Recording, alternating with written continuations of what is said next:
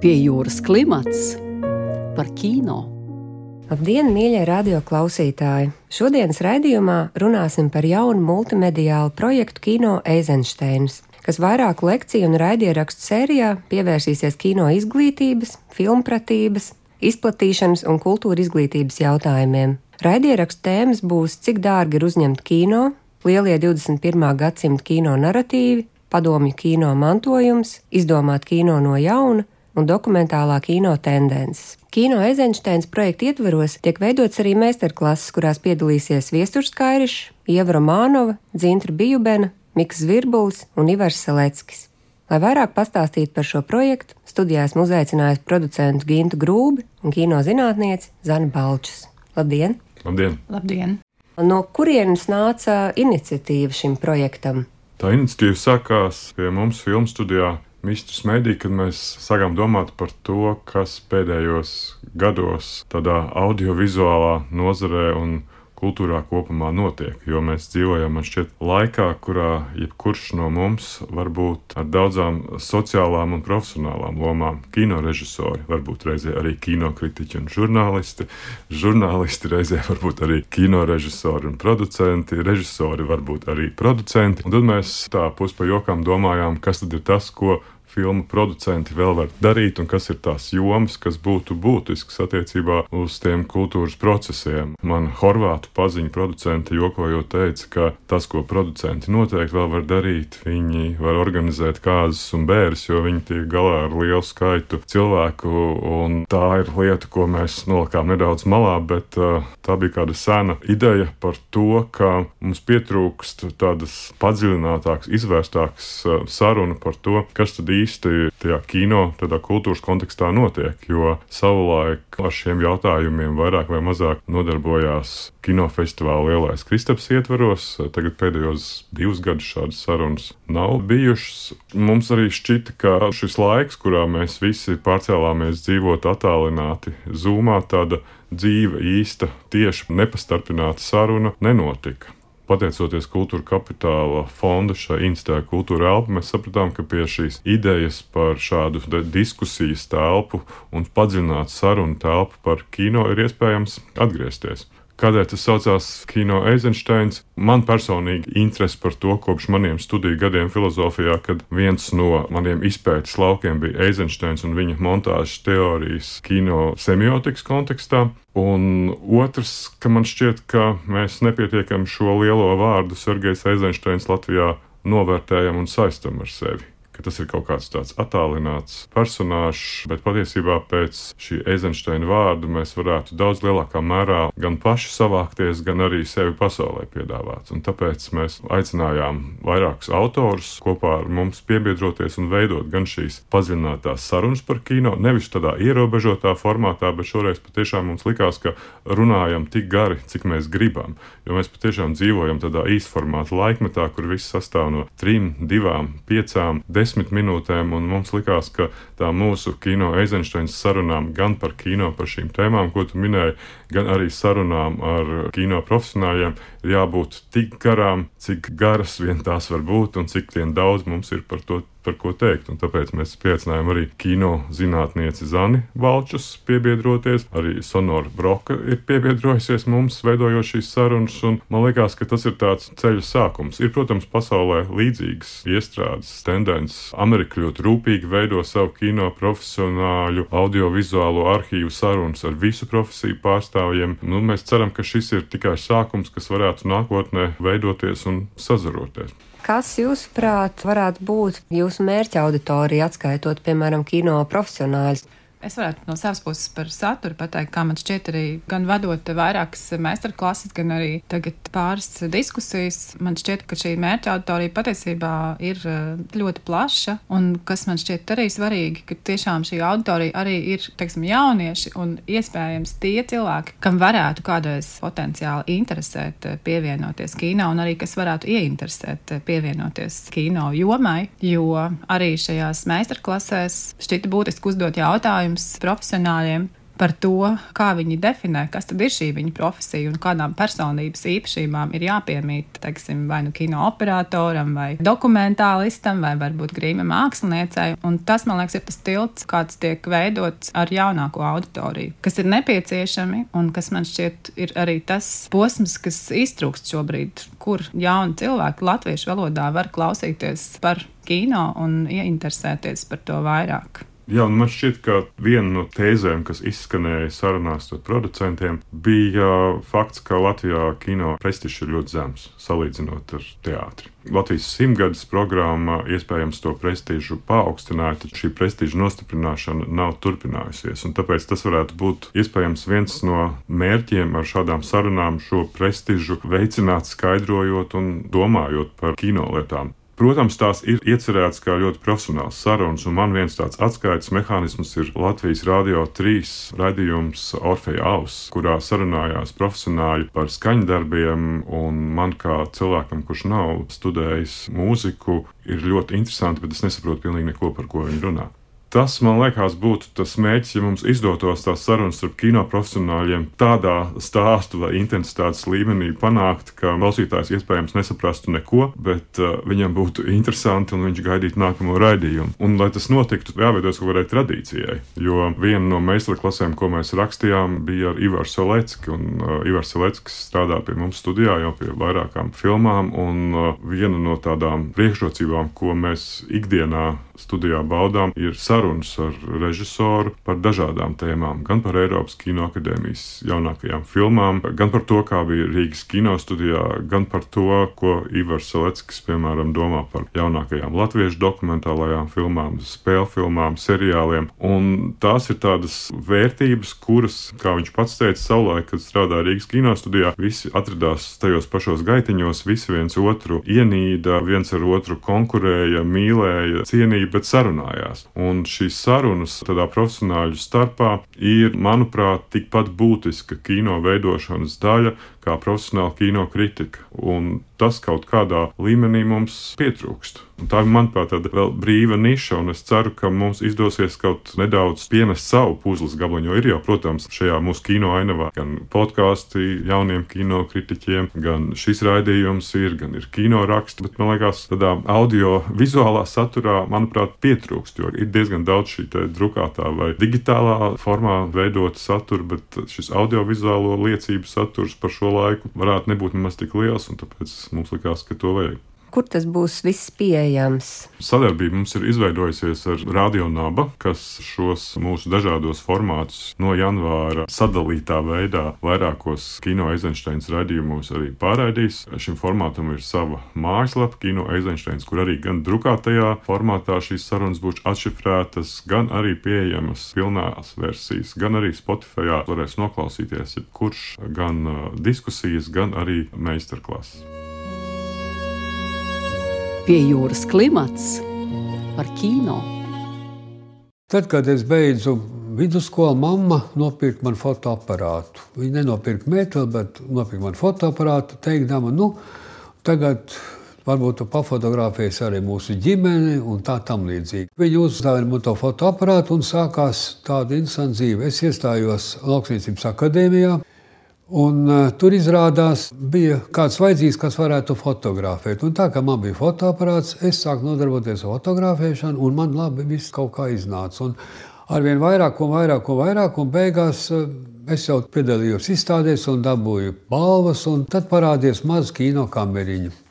Jūs jau varat pastāstīt vairāk par šīm sarunām, diskusijām, lekcijām, kas jau ir notikušas, un vai ir kaut kādas kino veidotāju attieksmē vai paustajā jau kaut kādas tendences šī brīža jūtamas? Es pagaidām esmu vadījusi vienu sarunu. Mēs runājām par padomu laika kino mantojumu galvenā tēze, ko mēs varam secināt pēc šī raidījuma un, un sarunas, kurā piedalījās gan Pēters Krīlovs, pats tajā laikā ienākot studijā kā režisors, un tagad strādājot ar studentiem un kino kritiķi Anita Uzulniece un arī kino žurnāliste Kristīna Matīs un jaunā kino kritiķe Ieva Augstkalna. Šis secinājums ir tāds, ka mums varbūt šķiet, ka šis padomu laika kino ir zināms, ir pazīstams pazīstams, bet kā par to runāt ar jauniem cilvēkiem šobrīd. Ir nepieciešams ļoti skaidri arī iezīmēt kontekstu, kāds bija šis darbs kino studijā tajā laikā un ko plašākā nozīmē vispār nozīmē padomu laiks un kādas ierobežojumus un kādas iespējas tas sevī nesa. Tā kā šī konteksta trūkums ir jūtams, un tas nav tikai varbūt par to, cik jau ir izpētīts un kas vēl ir darāms arī tieši tādā kino vēstures pētniecībā, bet arī attiecinot jaunāko laika kino teoriju uz to periodu un arī plašāk tādā sociālā kontekstā domājot par to, kas bija šis laiks un kā to skaidrot eh, jaunākajai paudzei. Un savukārt eh, par meistarklasēm, eh, kuras man bija iespējams vadīt, tās arī bija gan informatīvi, ļoti interesantas, gan arī šie secinājumi, kādi paliek, teiksim, domāt, kā piemēram Ivars Leckis varētu mums ne tikai vienu meistarklasi ierakstīt un izvietot mājaslapā, bet tās varētu būt neskaitāmas par ļoti daudz dažādām tēmām, jo gan viņa pieredze tad, gan arī šīs te tehnoloģiskās pārmaiņas, kas tika pieredzētas un kā tas ir atstājis arī iespaidu uz filmu veidošanas procesu mūsdienās un kā šī ļoti koncentrētā domāšana par to, kādus divu minūšu garumā kadrus uzņemt, filmējot filmu krasts 63. gadā un kā šī pieeja ir atšķirīga mūsdienās, kad mums ir iespējams filmēt, cik vien cieto disku atmiņa ļauj arī ir iespējams uzņemt. Tā kā, kā mainās arī domāšana un filmēšanas process atkarībā no tehnoloģijām un līdzīgs piemērs arī, protams, no citiem meistarklašu dalībniekiem varētu atrast. Tā skaitā, teiksim, Dzīves Bijubens, dažādi piemēri par to, kā bija strādāt uh, grība māksliniekam 90. gadu sākumā pie filmas Zirneklis ar tā laika izēju materiāliem, uh, lai radītu dažādas rētas un viepļus un visu pārējo. Un kāds tad ir darbs šobrīd? Ir ļoti daudz šīs nianses, par kurām mēs vai nu neaizdomājamies, vai par kurām ir jārunā un kuras ir arī jādokumentē. Jo varbūt, ja tas netiks ierakstīts un šobrīd, tad iespējams kaut kas no tā arī nekad nepaliks. Un no tā mēs varam, man liekas, ļoti daudz ko mācīties, un arī tas ir ļoti būtisks avots arī pētniecībā un tomēr savas kino vēstures fiksēšanā.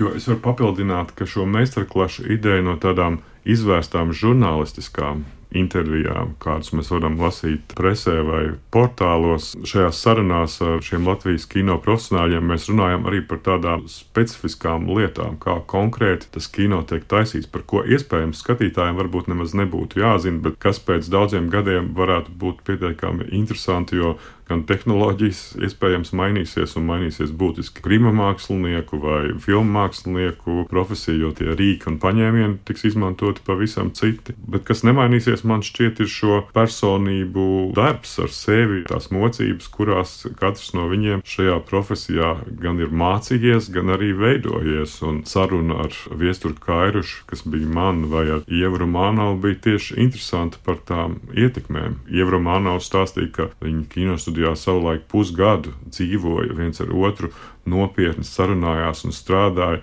pie filmas sagatavošanas procesa. Un jau teica, ka, ja mēs paskatāmies, kā šobrīd gatavo filmas, kā viņas tiek sagatavotas, vai ir šāds kolektīvs sagatavošanās darbs, tas bija tas lielais jautājums, ko Ieva atstāja gaisā. Ar viesturu Kairišu savukārt bija ļoti interesanti par tām viņa ietekmēm, kādas filmas viņš skatījās, no kā viņš barojās, jo, kā zināms, ir tas ģeniālais dzīvojums, ka nav nekā labāk kā baroties no citiem, nav nekā vairāk sava. Arī lauva sastāv no pārstrādāta auna, un kas tad ir tie auni, no kuriem veidojās tās mūsdienu kino lauvas. Un tas, man liekas, ir, lietas, ko ir vērts piefiksēt, ko mūsu kino profesionāļi Latvijā skatījās, ko viņi skatās šobrīd, un no kā viņi ietekmējās, vai varbūt viņi ir pietiekami pašpietiekamībā jau nonākuši. Un tās man šķiet ir lietas, kuras varētu noderēt.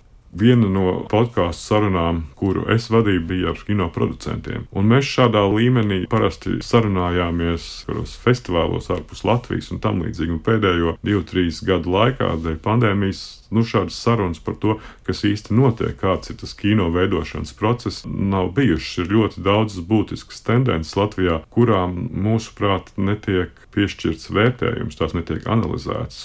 Mēs ļoti nopietni mēģinājām analizēt gan kultūru kapitāla fonda mazbudžeta programmu, kāda ir tā atdeve, ko tas dod jauniem autoriem, kāda ir šo filmu izplatīšana, kā tās rezonē starptautiski vai nerezonē, ko tās dod, kādā veidā mēs šobrīd varam domāt par uh, īsfilmām un studentu īsfilmām, kā debijas filmām un kādēļ nenonāk nevienā no starptautiskiem A klases īsfilmu festivāliem, kas ir tie iemesli, jo tā ir, kā zināms, klasiskais ceļš, kādā jauns autors kļūst par pasaulē zināmu kinorežisoru, un kad Latvijas filma kāda parādīsies Netflixā, šīs ir tādas profesionālas sarunas, kuras var tikai notikt tādā formātā, kurā satiekās producenti un katrs nāk ar tām savām zināšanām. Un tas man šķiet, mums tajā kino orfejā ausī izdevās ielīst vai Eizensteina ausī vai acī.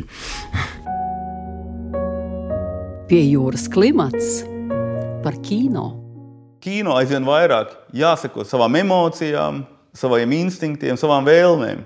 Man liekas, tur ir tas, kāpēc tu atšķiries no cita režisora, piemēram. Kā tika izvēlēti cilvēki, kas tika uzaicināti gan uz šīm meistarklasēm, gan uz šīm sarunām, un cik vispār kino cilvēki ir atsaucīgi? Saleckim ir tāds ģeniāls izteiciens, ko man ik pa laikam patīk atkārtot. Kas nav piefiksēts, tas nav bijis. Un ar šo argumentu man šķiet diezgan vienkārši cilvēku pierunāt, ja tu neizstāsti par savu darbu, un lai arī, kā Romanova jau saka, ekrānam tu mēli nepiekārs, ja tur kaut kas nav tā izdarīts, tad šī tā iespēja nedaudz piekārt gan padarītajiem darbiem to mēli, gan arī nepadarītajiem darbiem to mēli, un daudz ko izstāstīt, kas patiešām varētu būt tāds noderīgs izziņas materiāls nākotnē, jo mēs jau nezinām, kas notiks ar visiem šiem digitāliem materiāliem un cik lielā mērā viņi saglabāsies, bet pastāv cerība, ka būs, jo mēs varam tikai šobrīd nojaust par ļoti daudzām interesantām personībām, kuras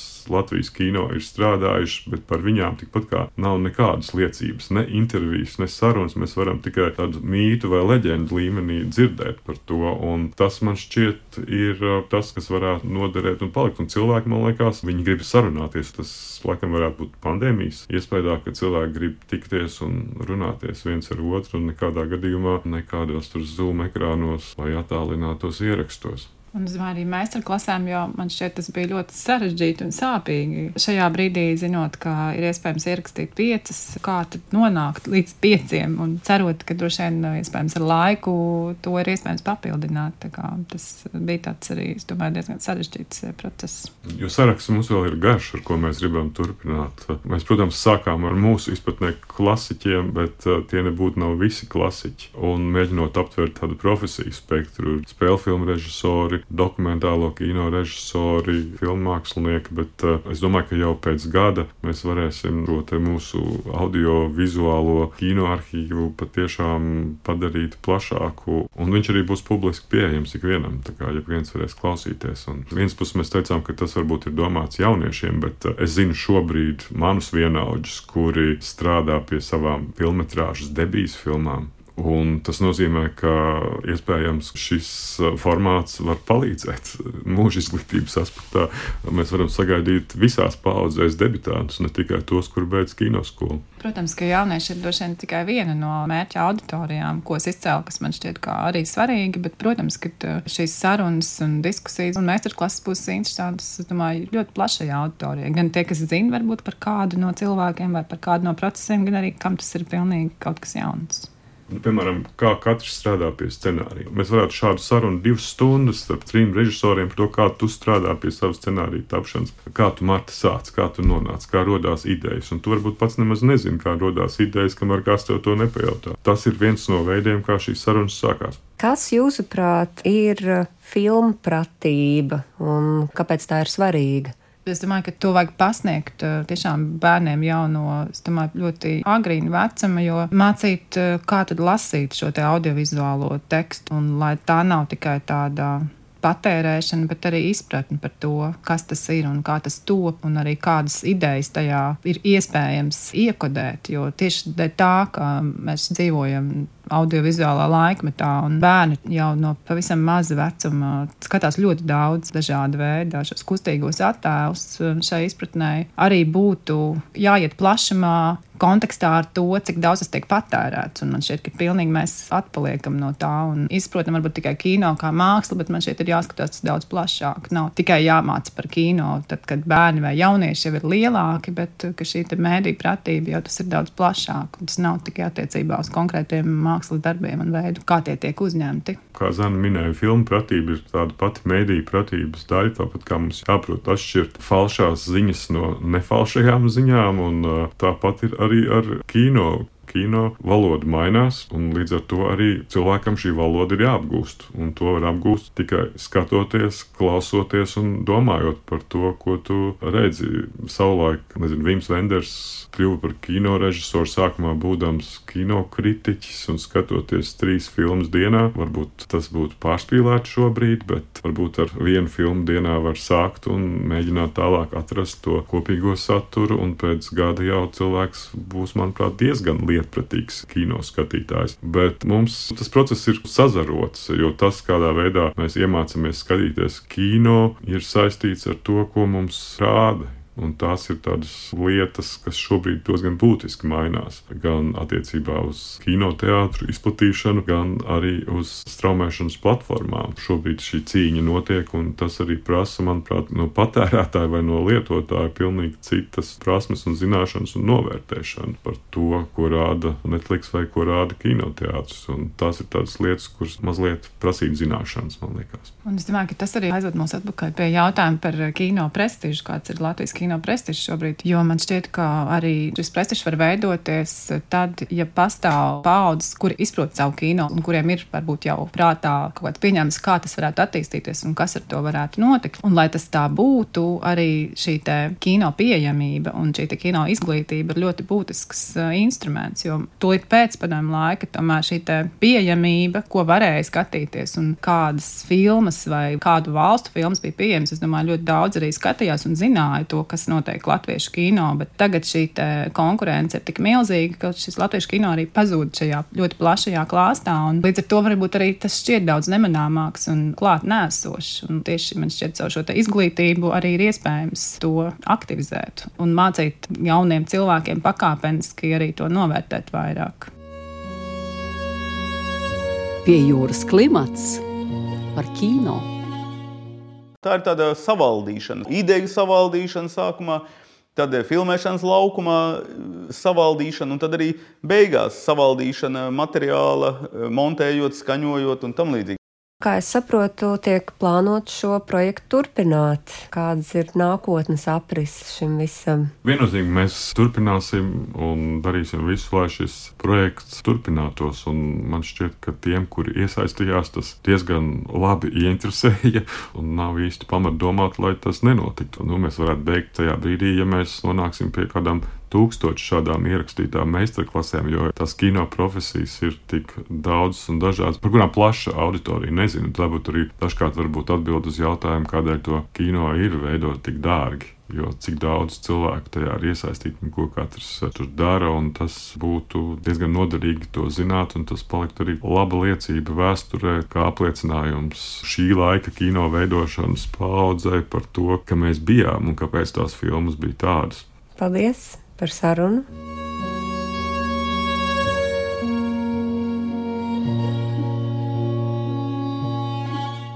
Raidījumu vadīja Martelīna Martinsone, montēja Andra Černievska.